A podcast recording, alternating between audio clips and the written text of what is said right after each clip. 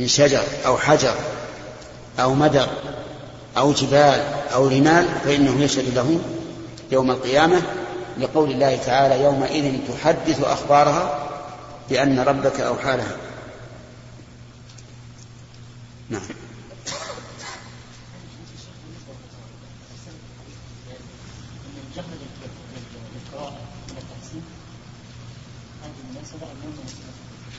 له كما قلنا لكم أولا أن البخاري رحمه الله ساق هذه الأدلة الكثيرة لإثبات أن صوت القارئ من فعله فيكون مخلوقا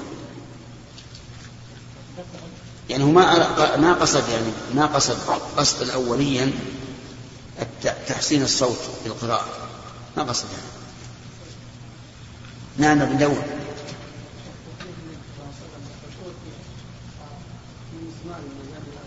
إيش؟ نعم نعم. يدل على ان المزامير كانت في في داوود عليه الصلاه والسلام مباحه وكان عنده يستعملها وش تقولون؟ اللي يقرأ يزمر يا عبد الرحمن. قصد أن أصواتهم أصواتهم جميلة جذابة. بالزبور.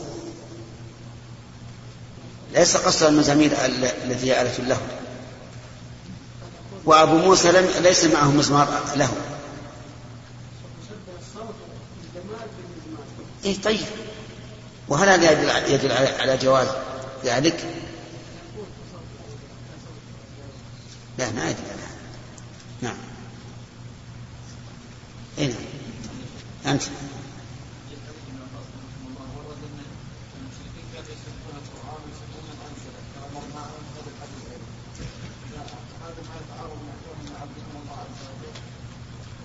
كيف؟ إي لكن لما جاء الرسول بهذا صاروا يسبونه لأنه جاء من الرسول.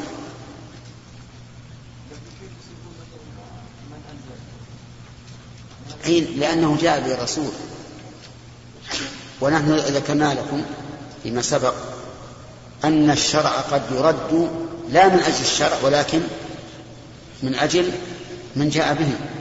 وضربنا لكم مثلا لو جاء عالم من العلماء الموثوقين المعتبرين وفعل شيئا مشروعا يستنكره العامة هل ينكرون عليه؟ أبدا لا ينكرون بل يقولون هذا سنة لم نعلم عنها لكن لو جاء طالب علم صغير ليس له قيمة عند عند الناس ماذا يصنعون؟ يسخرون به وينكرون عليه فهم وإن كانوا لا يسبون الله تعالى إلا إذا إلا إذا سببنا آلهتهم كما قال تعالى ولا تسبوا الذين يدعون من دون الله فيسبوا الله.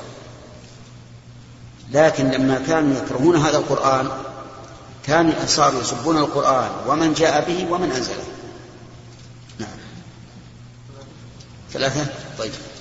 حدثنا قبيصة قال حدثنا سفيان عن منصور عن أمه عن عائشة رضي الله تعالى عنها قالت كان النبي صلى الله عليه وسلم يقرأ القرآن, يقرأ القرآن ورأسه في حجري وأنا حائض. الشاهد قوله يقرأ القرآن. فأضافت الفعل إليه. وفي هذا الحديث من الفقه دليل على جواز قراءة القرآن والإنسان متكئ. أو مضطجع. لأن في بعض ألفاظ الحديث كان يقرأ كان يتكئ في حجره ويقرأ القرآن. وفيه دليل على أن الحائض ليست بنجسة. وفيه أيضا دليل على جواز استماع الحائض لقراءة القرآن. ولكن هل لها أن تقرأ القرآن؟ هي بنفسها. في هذا خلاف بين العلماء. وليس فيه عن النبي صلى الله عليه وآله وسلم سنة صحيحة صريحة تدل على تحريم قراءة القرآن على الحائض وعلى هذا فنقول الأفضل أن لا تقرأ القرآن طلبا للثواب. وأن تقرأه لدفع. السوء أو لحفظ ما حفظت وما أشبه ذلك يعني تقرأه عند الحاجة. عرفتم الآن؟ وهذا قول وسط بين من يقول إنه يجوز لها أن تقرأ من القرآن ما شاءت لعدم وجود دليل يدل على المنع. وبين من يقول إنها لا تقرأ شيئا من القرآن. فالصواب أن هذا ينبغي أن يحتاط الإنسان فما احتاجت إلى قراءة لحفظ القرآن أو أوراد تقرأها في الليل أو في النهار أو لتعليم أبنائها أو لتعلمها فهذا لا بأس به. أما لمجرد الأجر والثواب فالأولى ألا تقرأ لأن فيها حديث لكنها ضعيفة نعم خالد. نعم. هذا حديث.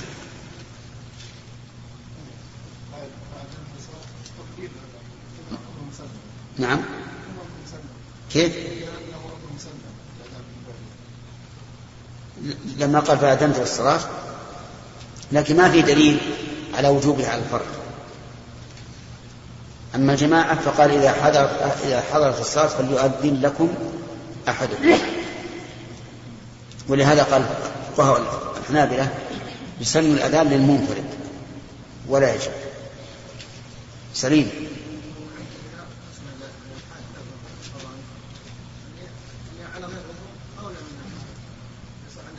أي نعم لا اللي على غير وضوء يقرأ عند الحاجة منه اللي على غير وضوء. لأن المسألة نتكلم فيها قراءة القرآن لا مس المصحف نعم.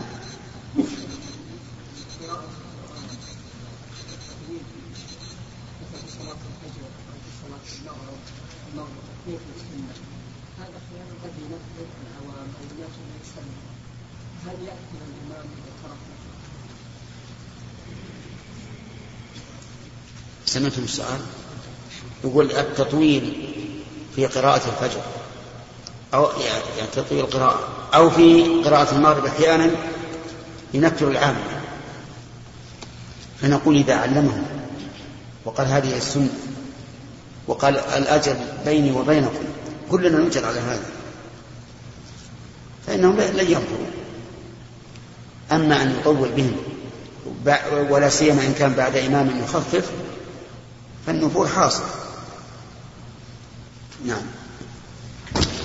باب قول الله تعالى فاقرأوا ما تيسر من القرآن. حدثنا يحيى بن بكير قال حدثنا الليث عن عقيل عن ابن شهاب قال حدثني عروة أن المسور بن مخرمة وعبد الرحمن بن عبد القاري حدثاه أنهما سمع عمر بن الخطاب رضي الله تعالى عنه يقول سمعت هشام بن حكيم يقرأ سورة الفرقان في حياة رسول الله صلى الله عليه وسلم فاستمعت, لقراء فاستمعت لقراءته فإذا هو يقرأ على حروف كثيرة لم يقرئنيها رسول الله صلى الله عليه وسلم فكدت أساوره في الصلاة فتصدرت حتى سلم. فلببته بردائه فقلت من أقرأك هذه السورة التي سمعتك تقرأ؟ قال أقرأنيها رسول الله صلى الله عليه وسلم. فقلت كذبت أقرأنيها على غير ما قرأت فانطلقت به أقوده إلى رسول الله صلى الله عليه وسلم. فقلت إني سمعت هذا يقرأ سورة الفرقان على حروف لم تقرئنيها فقال أرسل اقرأ يا هشام فقرأ القراءة التي سمعته فقال رسول الله صلى الله عليه وسلم كذلك أنزلت ثم قال ثم قال رسول الله صلى الله عليه وسلم اقرأ يا عمر فقرأت التي التي أقرأني فقال كذلك أنزلت إن هذا القرآن أنزل على سبعة أحرف فاقرأوا ما تيسر منه. الحمد لله. هذه القصة فيها فوائد عظيمة. أولا فيها قوة عمر رضي الله عنه. وثانيا أن انفعال الإنسان في صلاته بشيء سمعه لا يؤثر في الصلاة. يعني سمع شيئا يفرح ففرح وهو في الصلاة. سمع شيئا يحزن فحزن وهو في الصلاة. سمع شيئا يغضب فغضب وهو في الصلاة. كل هذا جائز. الدليل قوله فكدت أساوره في الصلاة فتصبر. أساوره يعني أمسك به في الصلاة لكن تصبر حتى خرج وفيه أيضا أنه لا ينبغي الإنسان أن يتسرع فيما ليس فيما دون الأهم. لأن بقاءه في صلاته أهم من مساورته إياه. وفيه أيضا دليل على جواز تلبيب الإنسان بردائه يعني يأخذ بلبته الرداء معروف على الكتفين فيأخذ بلبته و ينصرف به. وفيه دليل على جواز الإنكار بالقول وبالفعل. لقوله لببته فقلت من أقرأ وفيه أيضا دليل وفيه دليل على مسألة مهمة وهي أن إنكار شيء من القرآن جاهلا لا لا يكفر به الإنسان. لأن عمر أنكر القراءة التي قرأها هشام بل قال كذبت. وهذه فرع من فروع المسألة السابقة التي التي بحثنا فيها وهي العذر بالجهل. فإنه لو جاء أحد وأنكر شيئا من القرآن وهو عالم فهذا كفر. قال العلماء من أنكر حرفا واحد من القرآن وهو يعلم فإنه كافر. وعمر أنكر عدة حروف لكنه كان جاهلا. لم يعلم أن النبي صلى الله عليه وسلم أجازه وفيه دليل على حسن معاملة النبي صلى الله عليه وآله وسلم. حيث لم يؤاخذ هشاما بمجرد قول عمر حتى استمع ما عنده واستمع أيضا إلى ما إلى ما عند عمر. وفي أيضا دليل على إيقان الصحابة وإيمانهم. فإن عمر رضي الله عنه لم يلحقه الشك حين قال الرسول صلى الله عليه وسلم لهشام اقرأ. فقال الرسول عليه الصلاة والسلام كذلك أنزلت. ولا وكذلك لعمر. لم يقل قال له كذلك أنزلت على خلاف ما أقرأ هشاما ومع ذلك لم يحصل عنده ريب. أو شك. وفيه أيضا من فوائده أن القرآن أول ما نزل كان على سبعة أحرف أي موسع كان موسعا فيه حتى إنه يوسع لبعض الناس في لغتهم أي, أي, أي يقرؤونه بلغتهم. لكن بعد ذلك حصره الصحابة رضي الله عنهم على حرف واحد وهو لغة قريش. خوفا من خوفا من الفتنة. لأنها وقعت فعلا ففي عهد عثمان رضي الله عنه كاد الناس يقتتلون.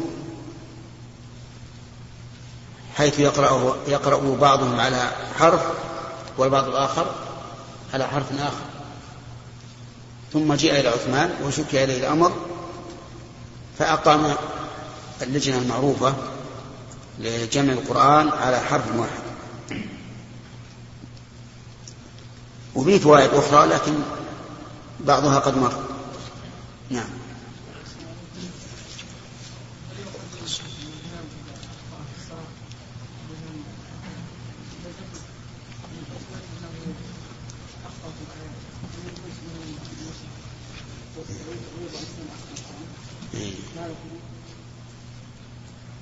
ماذا تقولون؟ السؤال يقول هل يؤخذ من هذا الحديث أن الإمام إذا أخطأ في الصلاة خطأ لا يسمح به؟ أنه يجر ويتقدم أحد سواه؟ الجواب إذا كان يحيل المعنى ورددنا عليه ولكن أبى وأصر فحينئذ نأخذ به ونرده. ويصلي من يقيم القراءة. أما إذا كان لا يحل المعنى فإن أخذه يكون به فتنة. نعم.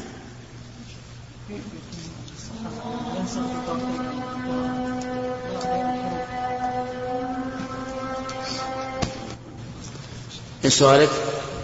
كيف يكون الصحابة يرفعوا باقي الحروف التي أنزل بها القرآن؟ نعم. نعم. ماذا تقولون؟ سمعتم كلامه؟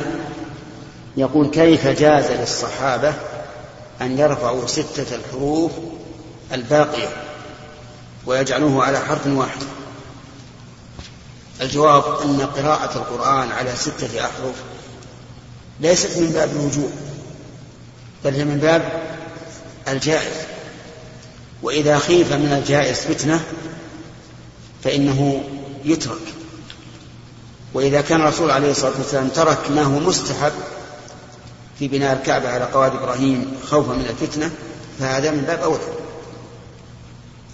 وإذا كان عمر رضي الله عنه منع من رجوع المرأة إلى زوجها إذا طلقها ثلاثا خوفا من الانهماك في هذا في هذا الطلاق المحرم فكذلك هذا. وهذه من من السياسة الشرعية. أنه إذا كان الشيء ذريعة إلى من إلى ممنوع منه فإنه يمنع. نعم. شيخ حفظك الله قلنا الإنسان إذا مر على آية حزن فله أن يحزن إذا مر على آية فرح فله أن لو مر مثلا على آية تتبسم مثلا فله أن يتبسم؟ وله أيضا أن يقهقه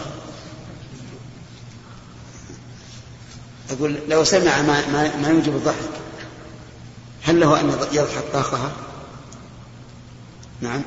التبسم قال العلماء لا بأس به في الصلاة. لأنه لا يظهر منه صوت. نعم. ولا بأس به. أما القهقه فلا تجوز لأنها تبطل الصلاة. نعم.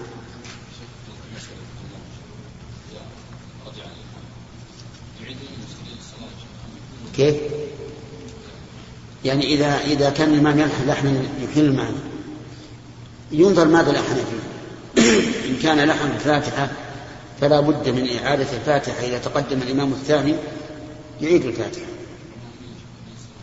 المأمومية يستمعون للإمام الثاني. نعم. باب قول الله تعالى ولقد يسرنا القرآن للذكر فهل من مدكر؟ وقال النبي صلى الله عليه وسلم كل ميسر لما خلق له. يقال ميسر مهيأ. وقال مطر وراق ولقد يسرنا القرآن للذكر فهل من مدكر؟ قال هل من طالب علم فيعان عليه فيعان عليه. نعم. قوله تعالى ولقد يسرنا القرآن للذكر. الجملة هذه مؤكدة بثلاث مؤكدات كما هو معروف. القسم واللام وقد. والتيسير التسهيل. والتهيئة. يسرنا القرآن هيئناه وسهلناه للذكر. والذكر بمعنى التذكر بدليل قوله فهل من مدكر أي هل من متذكر. فالإنسان إذا رجع إلى القرآن ليتذكر به فإن الله تعالى ييسر له التذكر به. وإذا أعرض عنه فإنه يحال بينه وبين الانتفاع به. وقوله هل من مدكر؟ قال هل من طالب علم؟ فيعان عليه. لأن طالب العلم إذا طلبه بصدق فلا بد أن يتذكر. وهنا يقول فيعان عليه بالفتح. لماذا؟ جواب الاستفهام. نعم. نعم. إيش؟ أي هذا النسخه الثانية وقال مجاهد يستلم القرآن بلسانك هونا قراءته عليه. نعم. ما في إلا بعد الحديث. تراجم ما فيها سؤال. حدثنا أبو معمر قال حدثنا عبد الوارث قال يزيد حدثني مطرف ابن عبد الله عن عمران رضي الله تعالى عنه قال قلت يا رسول الله فيما يعمل العاملون؟ قال كل ميسر لما خلق له.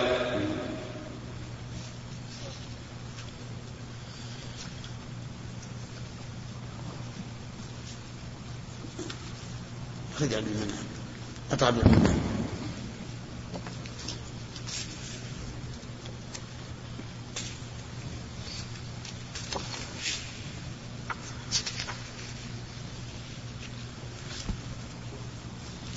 شوف الباب هذا لماذا ذكر المؤلف؟ مناسبة.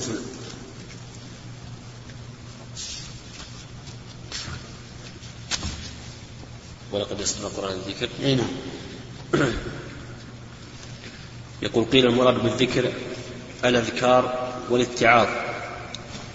وقيل الحفظ وهو مقتضى قول مجاهد وقال النبي صلى الله عليه وسلم كل ميسر لما خلق له فذكر موصولا في الباب من حديث علي.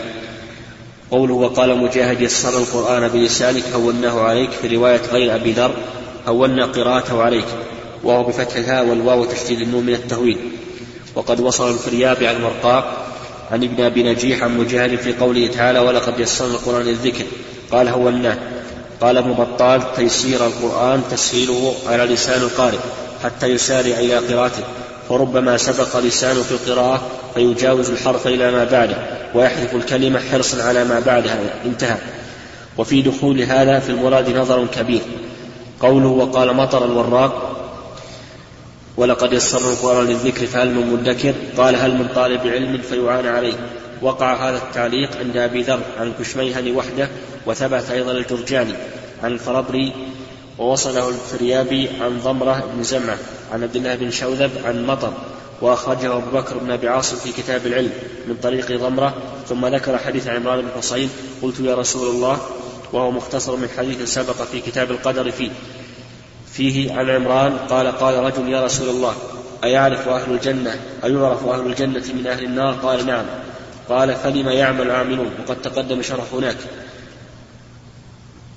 ما ذكر مناسبة ها؟ كيف؟ نعم.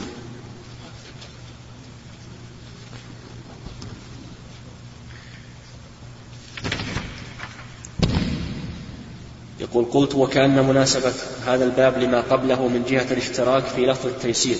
والله أعلم. فقروا ما تيسر من القرآن. نعم القرآن الموجود بين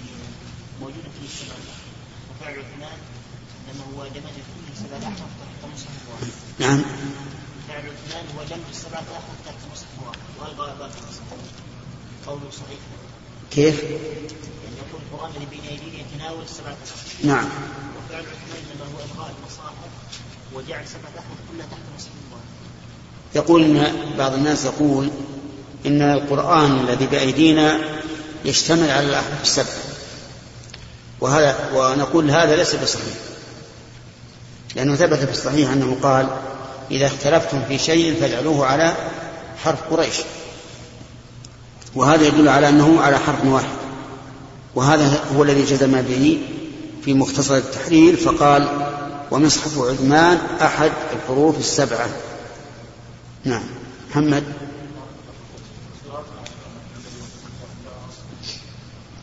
السبع متواتر. لا العشر غير متواتر. الثلاثة الزائدة غير متواترة. نعم. ينسى القراءات يحدث تلفيق بينهم أولا ذكرنا أن القراءة بقراءة غير المشهورة بين العامة خطأ لأن العامة لا يعرفون. فمثل لو قرأ قارئ يا أيها الذين آمنوا جاءكم فاسق بنبأ فتبينوا. نقول خطأ. ها؟ فتثبت نعم فتثبتوا. نقول خطأ أن تقرأها أمام العامة. لماذا؟ لأنهم ينفرون وتقل هيبتهم من القرآن وربما يلقي في الشيطان في قلوبهم الشكوك أما فيما بينك وبين نفسك أو مع طلبة العلم فلا بأس بل الأفضل لمن كان عنده علم بالقراءات أن يقرأ بهذا مرة وبهذا مرة كما أن العبادات المتنوعة الأفضل أن يفعل هذه مرة وهذه مرة حتى يحصل على السنة في كل في كل وجوهها.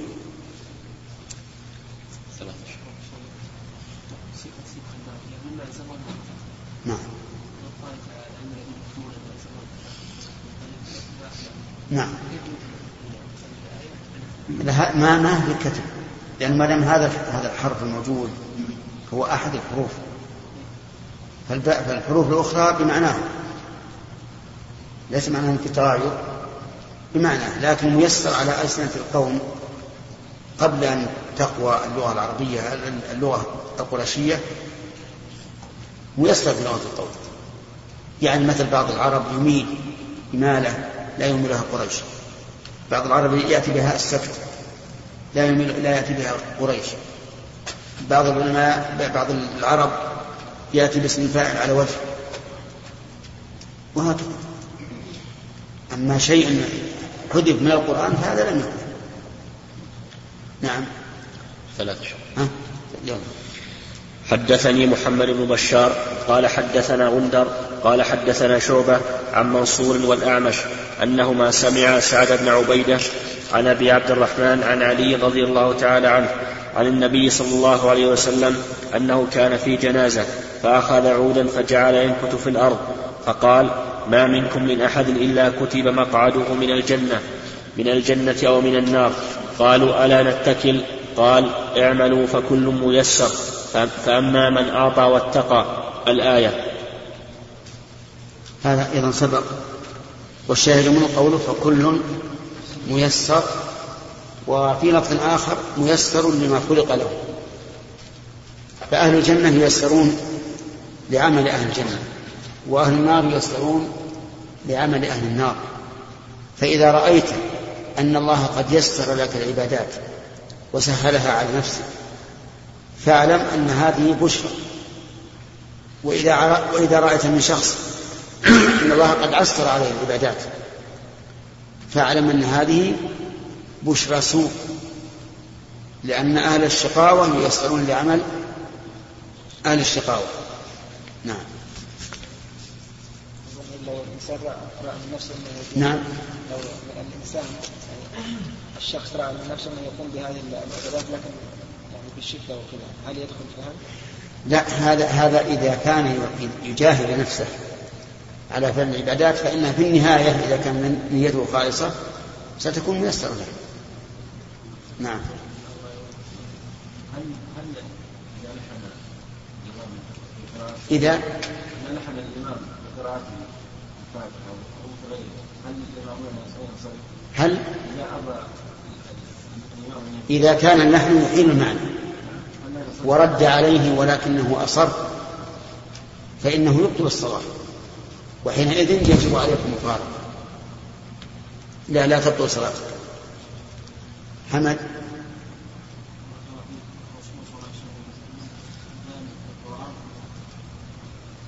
إيش؟ إيش؟ نعم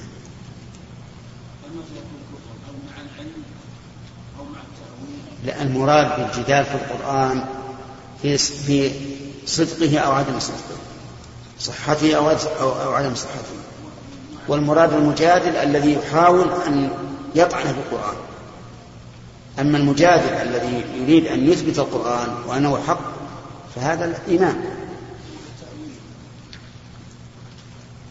تأويل إذا كان له مساق اللغة العربية فليس بكفر. قد يكون الإنسان يتأول هذه الآية لأنه لا يعرف المعنى الصحيح. مجمل. ثلاثة؟ نعم. باب قول الله تعالى بل هو قرآن مجيد في لوح محفوظ والطور وكتاب مسطور. قال قتادة مكتوب يسطرون يخطون. في أم الكتاب جملة الكتاب جملة الكتاب وأصله. ما يلفظ من قول ما يتكلم من شيء إلا كتب عليه. وقال ابن عباس يكتب الخير والشر يحرفون يزيلون. وليس أحد يزيل لفظ كتاب من كتب الله عز وجل ولكنهم يحرفونه يتأولونه على غير تأويله دراستهم تلاوتهم واعية حافظة وتاعيها تحفظها. وأوحي إلي هذا القرآن لينذركم به يعني أهل مكة ومن بلغ هذا القرآن فهو له نذير. هذه هذا الباب مجتمع على أشياء متعددة. أولا بل هو قرآن مجيد في لوح محفوظ. هذا آخر سورة. إيش؟ البروج. وقرآن مجيد في لوح محفوظ. هو الضمير يعود على القرآن. والمجيد ذو العظمة. وإذا كان القرآن مجيدا فمن تمسك به نال المجد. وقوله في لوح محفوظ أي في اللوح المحفوظ عند الله عز وجل. والطور وكتاب مسطور. الطور هو الجبل المعروف. وكتاب مسطور يعني مكتوب. مأخوذ من السطر لأن الكتاب يكتب على وجه الأسطر. وما المراد بهذا الكتاب المسطور إما أنه اللوح المحفوظ وإما أنه القرآن. ويؤيده قوله في كتاب مسطور في رق منشور والرق الجلد.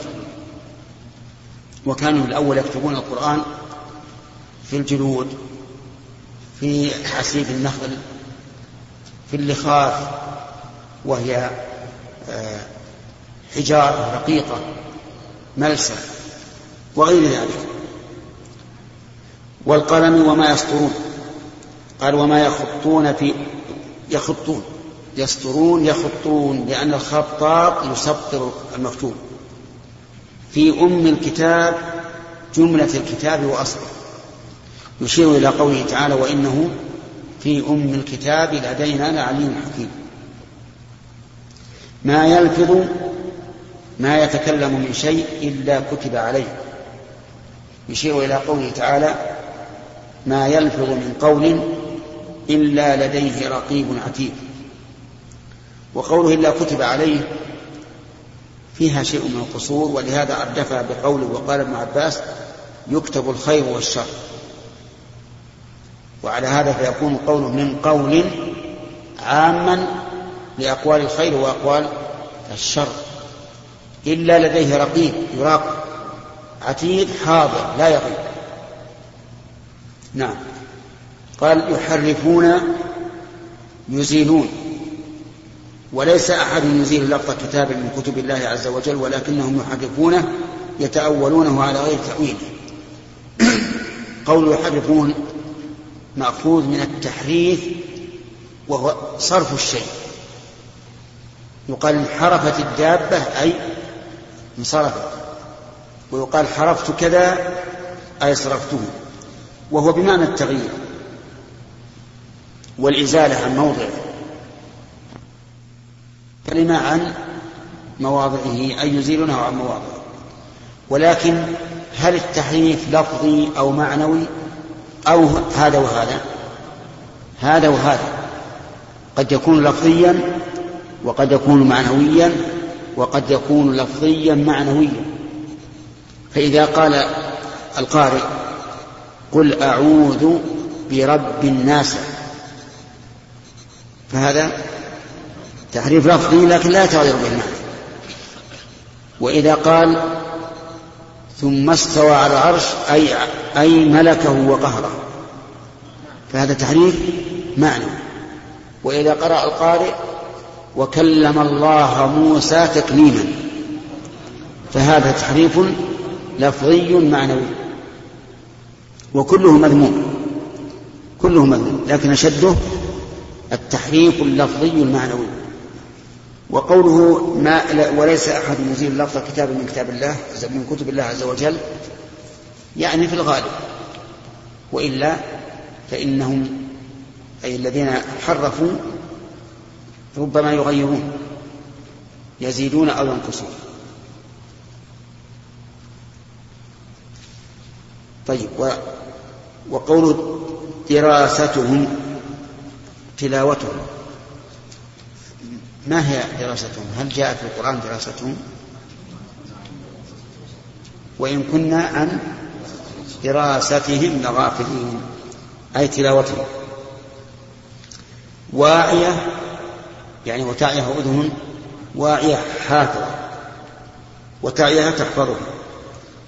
وأوحي إلي هذا القرآن لأنذركم به ومن بلغ يعني أهل مكة. يريد بذلك أن الخطاب في قوله لأنذركم يعود إلى أهل مكة. ومن بلغ أي من بلغه هذا القرآن من غير أهل مكة. نعم. قال ومن بلغ ومن بلغ ومن بلغ هذا القرآن فهو له نذير. نعم. وقال لي خليفة بن خياط حدثنا معتمر. قال سمعت أبي عن قتادة عن أبي رافع عن أبي هريرة رضي الله تعالى عنه عن النبي صلى الله عليه وسلم قال لما قضى الله الخلق كتب كتابا عنده غلبت أو قال سبقت رحمتي غضبي فهو عنده فوق العرش. وحدثني محمد بن أبي غالب قال حدثنا محمد بن إسماعيل قال حدثنا معتمر قال سمعت أبي يقول حدثنا قتادة أن أبا رافع حدثه أنه سمع أبا هريرة رضي الله تعالى عنه يقول سمعت رسول الله صلى الله عليه وسلم يقول إن الله كتب كتابا قبل أن قبل أن يخلق الخلق قبل أن يخلق الخلق إن يخلق. عندك يخلق؟ اي نعم. طيب صح. قبل أن يخلق الخلق إن رحمتي سبقت غضبي فهو مكتوب عنده فوق العرش. الشاهد قوله كتب كتابا عنده. وهذا كأن المؤلف رحمه الله يشير إلى قوله تعالى بل هو نعم إلى قوله تعالى كتاب مسطور. شوف المناسبة.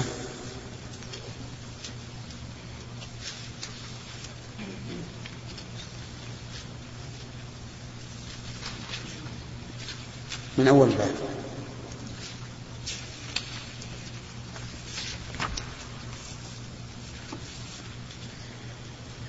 قوله باب خلق باب قول الله تعالى بل هو قرآن مجيد في لوح محفوظ. قال البخاري في خلق أفعال العباد بعد أن ذكر هذه الآية والذي بعدها فقد ذكر الله أن القرآن يحفظ ويسطر والقرآن الموعى في القلوب المسطور في المصاحف. المتلو بالألسنة كلام الله ليس ليس بمخلوق وأما المداد والورق والجلد فإنه مخلوق. قوله والطور والطور وكتاب مسطور. قال قتادة مكتوب. وصله البخاري في خلق أفعال العباد من طريق يزيد بن زريع عن سعيد بن أبي عروبة عن قتادة عن قتادة في قوله والطور وكتاب مسطور. قال المسطور المكتوب في رق منشور هو الكتاب. وصله عبيد بن حميد من رواية شيبان بن عبد الرحمن وعبد الرزاق عن معمر كلاهما عن قتادة نحوه. وأخرج عبد بن حميد عن ابن أبي نجيح المجاهد في قوله وكتاب مسطور قال صحف مكتوبة في رق منشور قال قال في صحف. قوله يسطرون يخطون أي يكتبون. أورده عبد بن حميد من طريق شيبان بن عبد الرحمن عن قتالة في قوله والقلم وما يسطرون قال وما يكتبون. قوله في أم الكتاب جملة الكتاب وأصله. وصله أبو داود في كتاب الناسخ والمنسوخ من طريق معمر عن قتالة في قوله يمحو الله ما يشاء ويثبت وعنده أم الكتاب قال جملة الكتاب وأصله وكذا أخرجه عبد الرزاق في تفسيره عن معمر عن قتادة. وعند ابن أبي حاتم من طريق علي بن أبي طلحة عن ابن عباس في قوله تعالى وعنده أم الكتاب يقول جملة ذلك عنده في أم الكتاب الناسخ والمنسوخ وما يكتب وما يبدل. قوله ما يلفظ من قول ما يتكلم من شيء إلا كتب عليه. وصله ابن أبي حاتم من طريق شعيب بن إسحاق عن سعيد بن أبي عروبة عن قتادة والحسن في, والحسن في قوله. والحسن في قوله ما يلفظ من قول. قال ما يتكلم به من شيء إلا كتب عليه. ومن طريق زايدة بن قدامة عن الأعمش عن مجمع قال الملك مداده ريقه وقلمه لسانه. قوله وقال ابن عباس يكتب الخير والشر. وصله الطبري وابن أبي حاتم من طريق هشام بن حسان. عن عكرمة عن ابن عباس في قوله تعالى ما يلفظ من قول. قال إنما إنما يكتب الخير والشر. وأخرج أيضا من طريق علي بن أبي طلحة عن ابن عباس في قوله تعالى ما يلفظ من قول إلا لديه رقيب عتيد. قال يكتب يكتب كل ما تكلم به من خير أو شر حتى إنه ليكتب قوله أكلت شربت ذهبت جئت. رأيت حتى إذا كان حتى إذا كان يوم الخميس عرض قوله وعمله فأقر ما, ما كان من خير أو شر وألقي سائره. فذلك قوله تعالى يمحو الله ما يشاء ويثبت وعنده أم الكتاب وأخرج الطبري هذا من طريق الكلبي عن أبي صالح عن جابر بن عبد الله ابن رئاب بكسر الراء ثم ياء مهموزة. وآخره موحدة والكلبي متروك وأبو صالح لم يدرك جابرا هذا. وأخرج الطبري من طريق سعيد بن أبي عروبة عن قتادة عن أنس ما يلفظ من قول ما يتكلم به من شيء إلا كتب عليه. وكان عكرمة يقول إنما ذلك في الخير والشر. قلت ويجمع بينهما برواية علي بن أبي طلحة المذكورة. قوله يحرفون يزيلون لم أرى هذا موصولا من كلام ابن عباس من وجه ثابت مع أن الذي قبله من كلامه وكذا الذي بعده. وقوله وهو قوله دراستهم تلاوتهم وما بعده. وأخرج جميع ذلك ابن أبي حاتم من طريق علي بن أبي طلحة عن ابن عباس. وقد تقدم في باب قوله كل يوم هو في شأن. عن ابن عباس ما يخالف ما ذكر هنا وهو تفسير يحرفون بقوله يزيلون نعم أخرجه ابن أبي حاتم من طريق وهب بن منبه. وقال أبو عبيدة في كتاب المجاز في قوله يخلفون الكلمة عن مواضعه قال يقلبون ويغيرون. وقال الراغب التحريف الإمالة. وتحريف الكلام أن يجعله على حرف من الاحتمال بحيث يمكن حمله على وجهين فأكثر. انتهى نعم. نقرأ. كن نقرأ فيها الشرح. نعم. وكن نقرأ فيها الشرح. طيب. أو ما.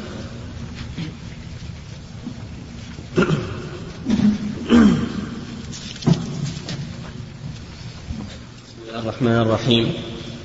قال الحافظ ابن حجر رحمه الله تعالى قوله وليس أحد يزيل لفظ كتاب الله لفظ كتاب الله من كتب الله عز وجل ولكن وليس.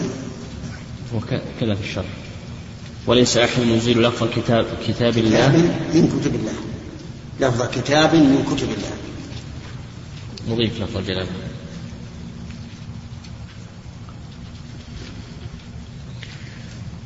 وليس أحد يزيل لفظ كتاب من كتب الله عز وجل ولكنهم يحرفونه ويتأولونه على غير تأويله. في رواية الكشميهني يتأولونه على غير تأويله. قال شيخنا بالملقن في شرحه في شرح في شرح هذا الذي هذا الذي قاله أحد القولين في تفسير هذه الآية وهو مختاره أي البخاري. وقد صرح كثير من أصحابنا بأن اليهود والنصارى بدلوا التوراة والإنجيل. وفرعوا على ذلك وفرعوا على, على ذلك جواز امتهان أوراقهما وهو يخالف ما قاله البخاري هنا انتهى. وهو كالصريح في أن قوله وليس أحد إلى آخره من كلام البخاري غير به تفسير ابن, تفسير ابن عباس وهو يحتمل أن يكون بقية كلام ابن عباس في تفسير الآية. وقد صرح بعض الشراح المتأخرين اختلف في هذه المسألة على أقوال. أحدها أنها بدلت كلها وهو مقتضى القول المحكي بجواز الامتهان وهو إفراط. وينبغي وينبغي حمل إطلاق من أطلقه على الأكثر وإلا فهي مكابرة. والآيات والأخبار كثيرة في أنه بقي منها أشياء في أنها بقي منها أشياء كثيرة لم تبدل. من ذلك قوله تعالى الذين يتبعون الرسول النبي الأمي الذي يجدونه مكتوبا عندهم في التوراة والإنجيل. الآية ومن ذلك قصة رجل اليهوديين وفيه وجود آية الرجل ويؤيده قوله تعالى قل فاتوا بالتوراة فاتلوها إن كنتم صادقين ثانيها أن التبديل وقع ولكن في معظمها وأدلته كثيرة وينبغي حمل الأول عليه ثالثها وقع في اليسير منها ومعظمها باق على حاله ونصره الشيخ تقي الدين ابن تيمية في كتابه الرد الصريح الرد الصحيح على من بدل دين المسيح. رابعها إن الآن بالجواب الصحيح. لكن يمكن له اسمان نعم. رابعها إنما وقع التبديل والتغيير في المعاني لا في الألفاظ وهو المذكور هنا. وقد سئل ابن تيمية عن هذه المسألة مجردا فأجاب في فتاويه أن للعلماء في ذلك قولين واحتج للثاني من أوجه من أو واحتج للثاني من أوجه من أوجه كثيرة.